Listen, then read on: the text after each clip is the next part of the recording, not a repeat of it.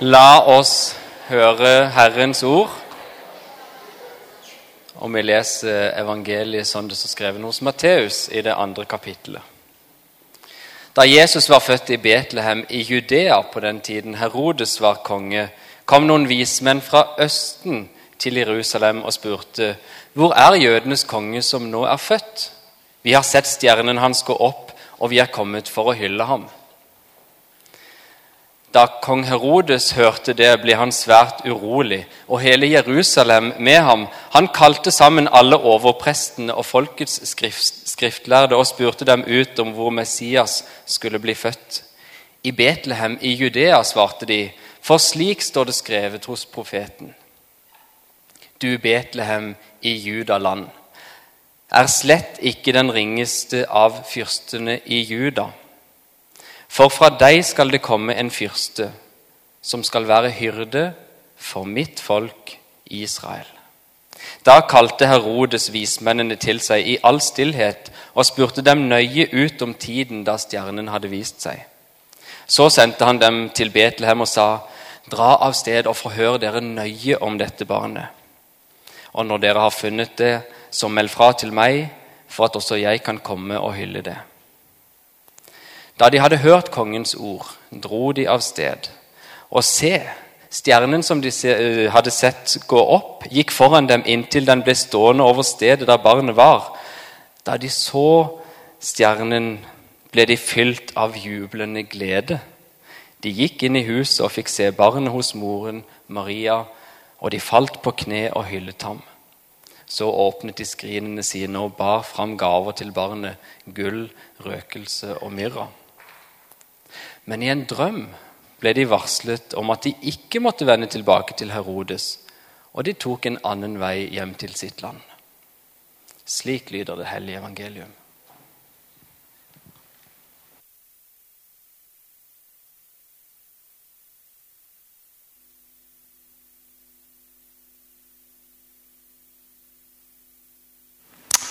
Yes, jeg hadde muta. Kjempebra. Godt nyttår. Fint å se dere. I år så har jeg begynt å lese Bibelen på ett år sammen med ca. 40 andre her i menigheten. Og Det er utrolig fint. Det har bare gått åtte dager, så det kan være at man går på en smell i løpet av året. Men hittil utrolig fint. Og så har vi en sånn Facebook-gruppe der vi sånn at man legger ut spørsmål som dukker opp når man leser, eller kommentarer. eller forstår. Og det meg på, eller De dagene her har det minnet meg på hvor fint det er å lese Bibelen sammen. For det er egentlig en sånn ganske moderne ting å lese Bibelen hver for seg. Så det er utrolig givende og flott å lese Bibelen sammen. Og I prinsippet så er det det vi gjør hver søndag. Stein Ole eller noen andre kommer opp her og leser en tekst. Og så kommer jeg eller noen andre i fellesskapet og dele ut fra den teksten. Men i dag skal vi gjøre det litt mer konkret. Vi skal prøve oss på noe som kanskje kan bli morsomt. Er dere med? Ja. Så vi begynner med at jeg i ca. syv minutter snakker om har litt sånn, Jeg skal ikke nerde altfor mye, men litt sånn tekstutleggelse. da, Sånn man lærer på MF. Og Så skal Stein Ole lese teksten en gang til. Og Så tar vi ett minutt stillhet der dere kan la den teksten synke litt. enda en gang. Og Så skal jeg utfordre et par av dere ikke på preike, men på å dele et stikkord på hva som traff dere fra teksten. Før jeg går videre. Er dere med? Kjempebra. De vise menn. Er det noen som leser horoskop her?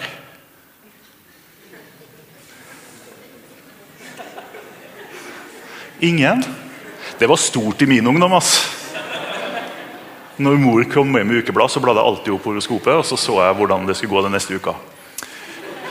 Men det blir litt sånn De vise menn, eh, astrologer, de så på stjernene og fant ut ting. Altså For oss så høres det ut som de er noen sånn spirituelle, litt svermeriske okay? Men det her var vise menn. Altså På den tida så var det her vitenskap. Dette var de klokeste verden hadde å by på. Og de gjorde det vitenskapsmenn gjorde. De tolka tida, de tolka det de hadde lest, de tolka stjernehimmelen og fant ut hvordan de skulle forholde seg til det. Og På den tida så trodde man at hver gang en konge ble født, så kom det en ny stjerne på himmelen. Og hver gang en stor konge døde, så forsvant det en stjerne fra himmelen. Og Det sies at når Julius Cæsar døde, når han ble begravd, så var det et kjempestort stjerneskudd som de tok som et bevis på denne teorien. Og sånn noen tiår før Jesus ble født, og noen 50-60-70 år etterpå, så var det også en enorm forventning om at fra Judea så skulle det komme en stor fyrste. Og det her vet vi at Jødene venta på Messias. Men det her var ikke bare jødene som venta på det var hele den kjente verden. Trodde at fra Juda skulle det komme en stor fyrste. Og Det sies at en hærfører i Romerriket som inntok, gjeninntok Judea rundt år 60 Når han kom tilbake til Roma, altså til Rom, så ville han prøve å bli keiser. og hele, måte, Jeg vet ikke om de drev med sånn valgkamp den gangen, men valgkampen hans det var at han kom som fyrsten fra Juda. For det var der han hadde vunnet slaget, og kom tilbake til Rom for å bli keiser. Den store keiseren fra Juda. Og ca. år 6 eller 7 før Kristus så har de regna ut at Jupiter og Saturn sto på linje, sånn at det viste seg på himmelen som en ny stjerne. Altså Det som sannsynligvis skjer her, det er at vi har noen vise menn, og de var vis, som så på himmelen at det kom en ny stjerne. Og så tenkte de nå er en ny, stor konge født. Det må være fyrsten vi venter på i Juda. Og så dro de til Jerusalem. Er det noen her som har prøvd å følge en stjerne? Som der er stjerna, og så gå etter den til man kommer til et sted. Det er litt som å finne enden på regnbuen. Altså, jeg tror Gud kan gjøre store under, og at den stjerna faktisk kunne ha beveget seg. Men sannsynligvis så har de bare sett den stjerna. De har tolka det helt riktig. Og så har de gjort det logiske. Det er en konge som er født i Judea. Hvis du skal finne en konge, hvor drar du da? Hovedstaden. Nå må du være litt på. Og hvis du kommer til hovedstaden, hvor drar du hvis du skal finne en konge i hovedstaden? Bra! Bra, Rebekka. Kjempefint. Du skal få ekstra stjerne i boka i dag. En konge er født, man drar til hovedstaden. En konge er født, man drar til slottet. Det var det de vise menn gjorde.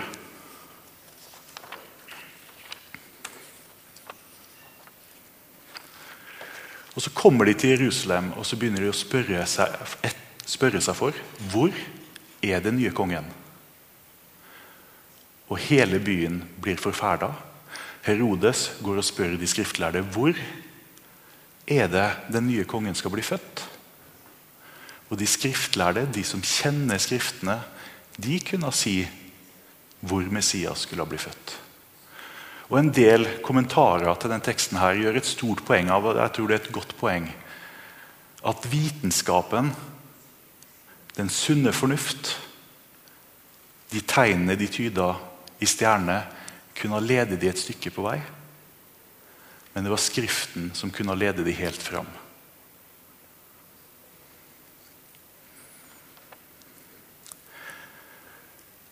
Matteus sitt store prosjekt det er å vise at Jesus er Messias. At Messias er den man venter på. Den lovede. Og på en kort tekst som vi har lest nå, så klarer Matteus å sette opp vitenskapen og vise at den kommer og bøyer seg for den nye kongen. Og Det er akkurat som man hører Paulus sine ord, at han har gjort denne verdens visdom til skamme. For der er han som er sannheten. Der er han som all annen kunnskap må bøye seg for. Og så har han også vist at denne verdens herskere er representert med Herodes, som noen få vers etterpå her dreper alle barn i Betlehemsområdet under to år. Så har han vist at vi har fått en helt annen konge. En som er på et helt annet vis enn denne verdens herskere. Vi har fått en konge som er større enn verdens visdom. Vi har fått en konge som er større enn verdens herskere. Og han, viser Matteus, er den lovende, den fyrsten vi venter på fra Juda, som kommer til de lave og de utstøtte. skal vi høre teksten en gang til, og så ett minutt stillhet etterpå.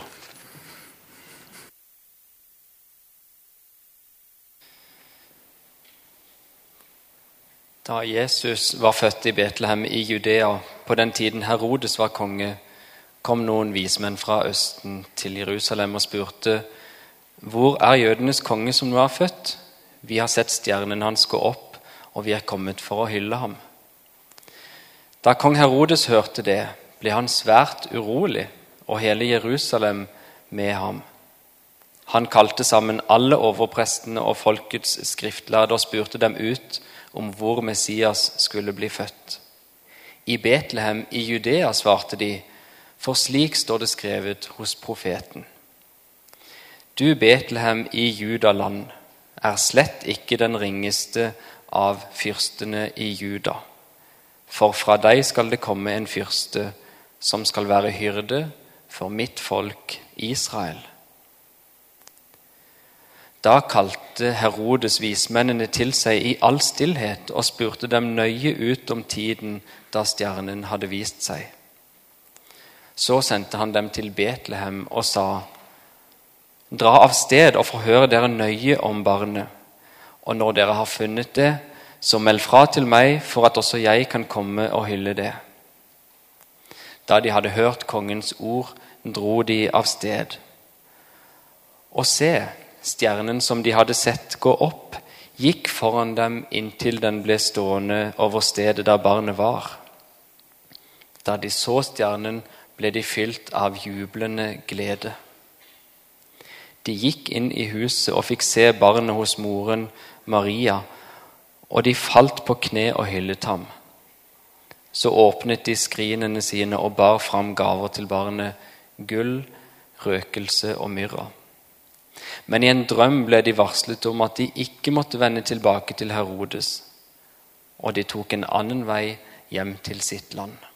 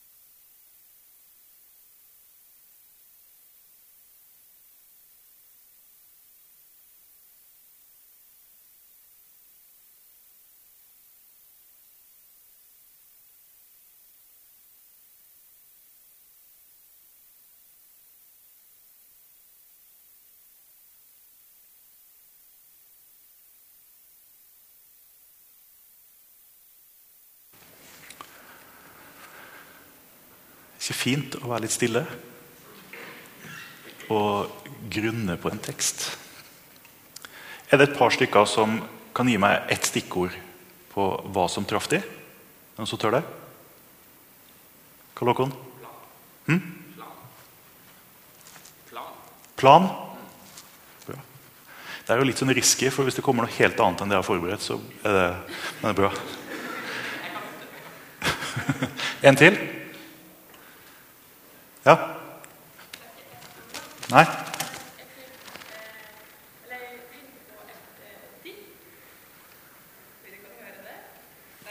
Kom fram. Kom igjen, da.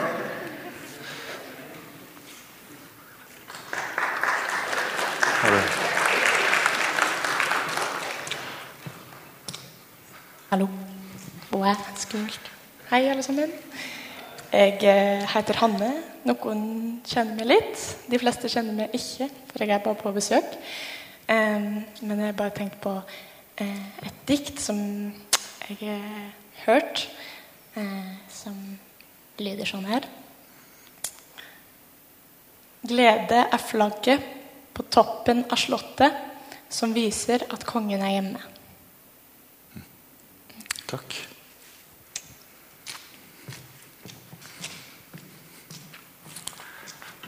Takk skal dere ha. Nå skal jeg dele hva jeg har tenkt. Det er sånn det blir, vet du. Det er tre ting som stakk seg ut for meg. Og Det første er det her med de vise menn. At det er noen som søker. Noen som brukte tid på å leite, se på stjernene, tolke og så legge ut på vandring for å finne Jesus. Noen som jødene kalte hedninger, som ikke passa inn hos jødene. Og jeg tenker at For meg eller for oss så er det en utfordring og en bønn. En bønn om at alle som søker, må få hjelp til å finne. At alle som søker etter sannheten At vi må få visdom til å peke på Han som er sannheten. At alle som lengter etter en konge, en å følge, etter en som viser vei At vi kan få lov til å vise veien til Han som er veien. Og at alle åndelige søkende som søker i naturen, i andre religioner, i seg sjøl eller lignende, at vi kan få lov til å peke på Han som er livet. Det andre som traff meg, det er motsetninga mellom hvor de vise menn intuitivt leiter etter Jesus, og hvor han er å finne. For der har du Jerusalem, hovedstaden der kongen bor, der tempelet er. Og så har du Betlehem. Og når en profet er nødt til å si du Betlehem er slett ikke den ringeste av byene i Juda, så kan du være sikker på at det er den ringeste byen i Juda.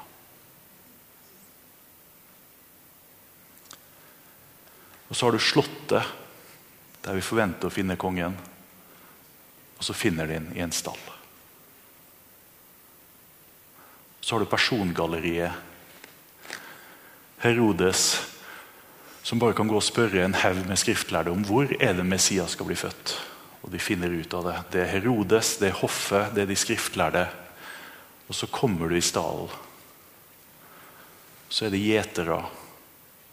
Og så er det Maria, en fattig dame med et uekte barn.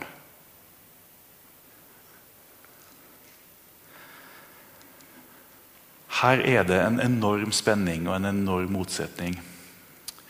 Og det er jeg tenker for min del, det er noe med hvor jeg intuitivt leter. Det er noe med hvordan jeg intuitivt forventer å møte Gud. Og hvor Gud faktisk er å finne. Vi forventer Jerusalem, og vi blir skuffa over Betlehem. I gamle dager så hadde vi noe som het eh, leirkristen. Har dere vært borti det? Yes. Egentlig dårlig ord.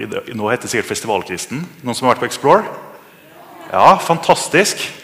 Og det her er ikke sånn leir og festival ikke bra. Leir og festival er helt fantastisk. Og når jeg var, når jeg var ungdom, så var det ikke så veldig mange kristne i den byen jeg bodde. Det var ikke så veldig mange kristne på skolen, og det var ingen kristne i klassen. Og Så kom jeg på leir, og så var vi mange.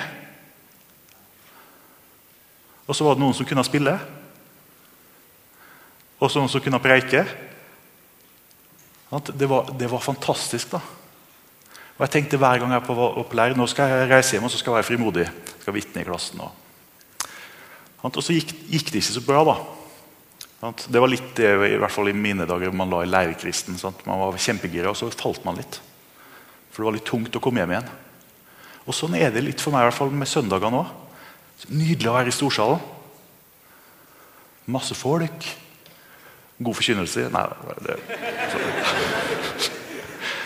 Fin lovsang, masse fine folk. Og så, så kommer mandagen, og så er det litt, litt sånn dupt, da.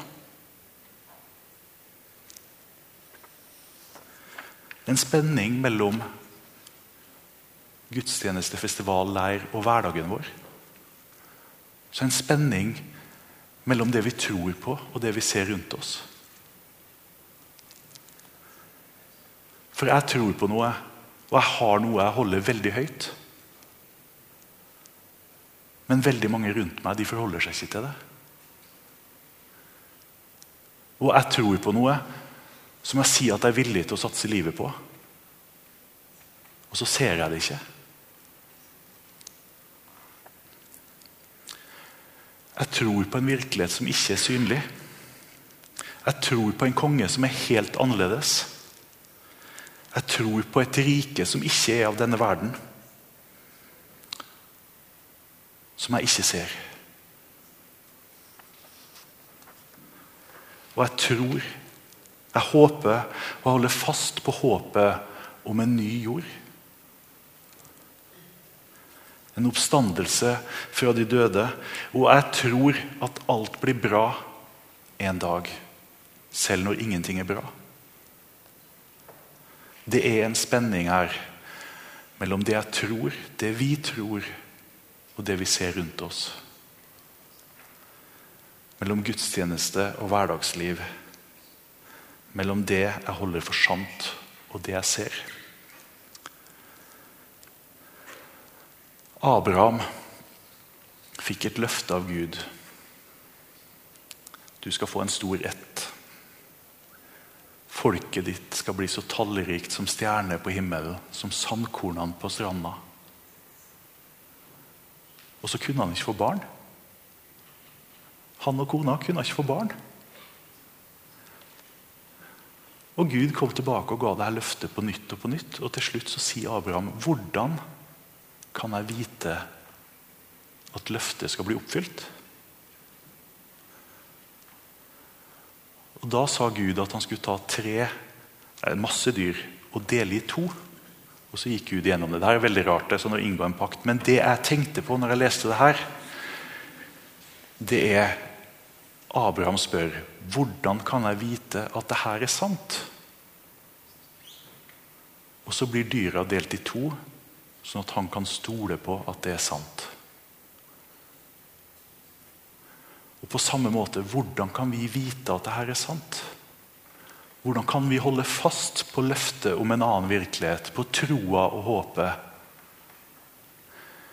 Fordi Jesus ble brutt for oss.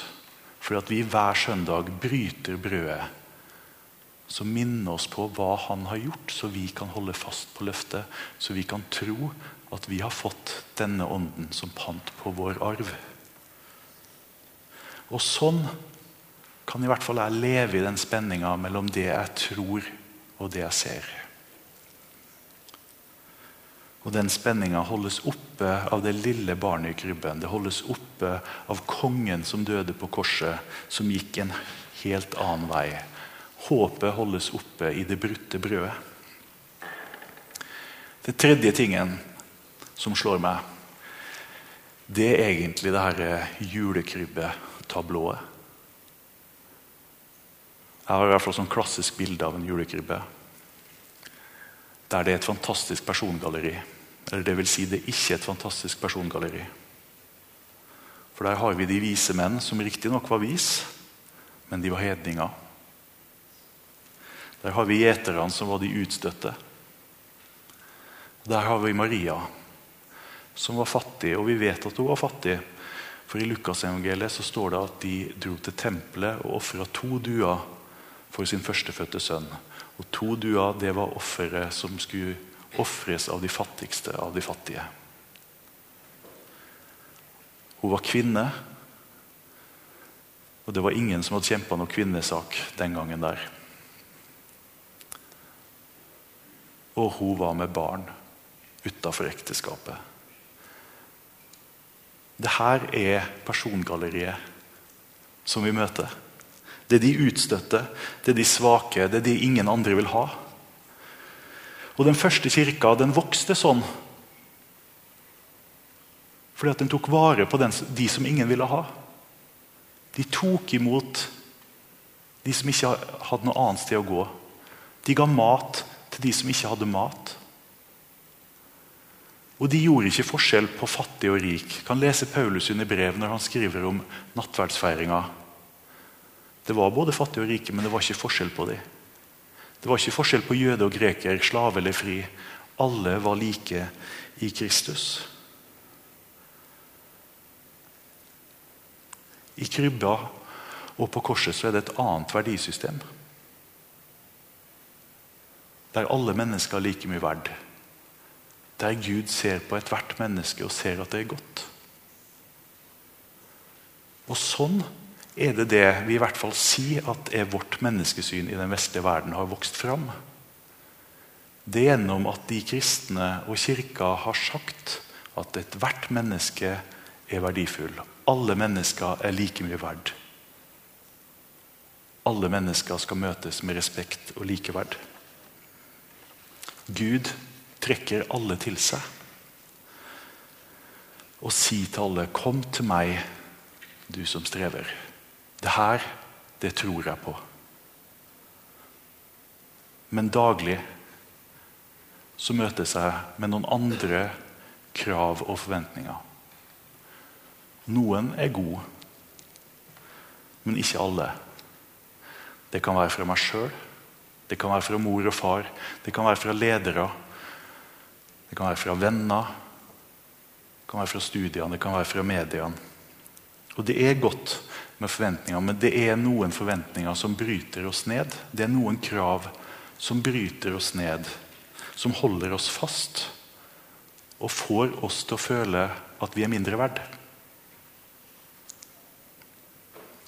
Det er noen krav og forventninger som overdøver Guds stemme om at du er verdifull. Det er noe som overdøver Guds stemme om nåde og tilgivelse. Fordi vi tror på en annen virkelighet. Der alle er verdifulle. Der du er elska som du er. Der Gud ser, og han ser at det er godt. Og Det er det helt motsatte av de krava og de forventningene som trykker oss ned og får oss til å føle oss verdiløse. Og I det verdisystemet vi møter i krybben, så er det nåde og tilgivelse når det går galt. Jeg har ofte hørt det som et krav at jeg må kvitte meg med verdens måte å tenke på. Men det her er evangeliet. Det her er dagens gode nyheter. Det her er en invitasjon til å bli fri fra alle de kravene, alle de forventningene som trykker deg ned. Jesus er midt iblant oss. Jesus er midt iblant oss med en invitasjon som sier 'Kom til meg, du som strever. Jeg vil gi deg hvile'. Og jeg tror at for noen av oss så vil det si at vi kan bli satt totalt fri. Og for andre av oss betyr det at vi kan få kraft til å klare å stå i spennet mellom det vi vet er sant, og det vi møter rundt oss. Lovsangsteamet kan komme opp. Vi går inn i det vi kaller responsdel. Hvis det her er gjenkjennelig Hvis du kjenner på krav og forventninger som trykker deg ned, så få noen til å be for deg, eller gå inn i lillesalen, legg en stein på korset og kvitt deg med det. eller gå til forbønn i Lillesalen. Og være med i lovsangen. Nå skal vi sammen reise oss, og så skal vi begynne denne responsdelen her med å sammen som en bekjennelse synge frihet. Vi reiser oss.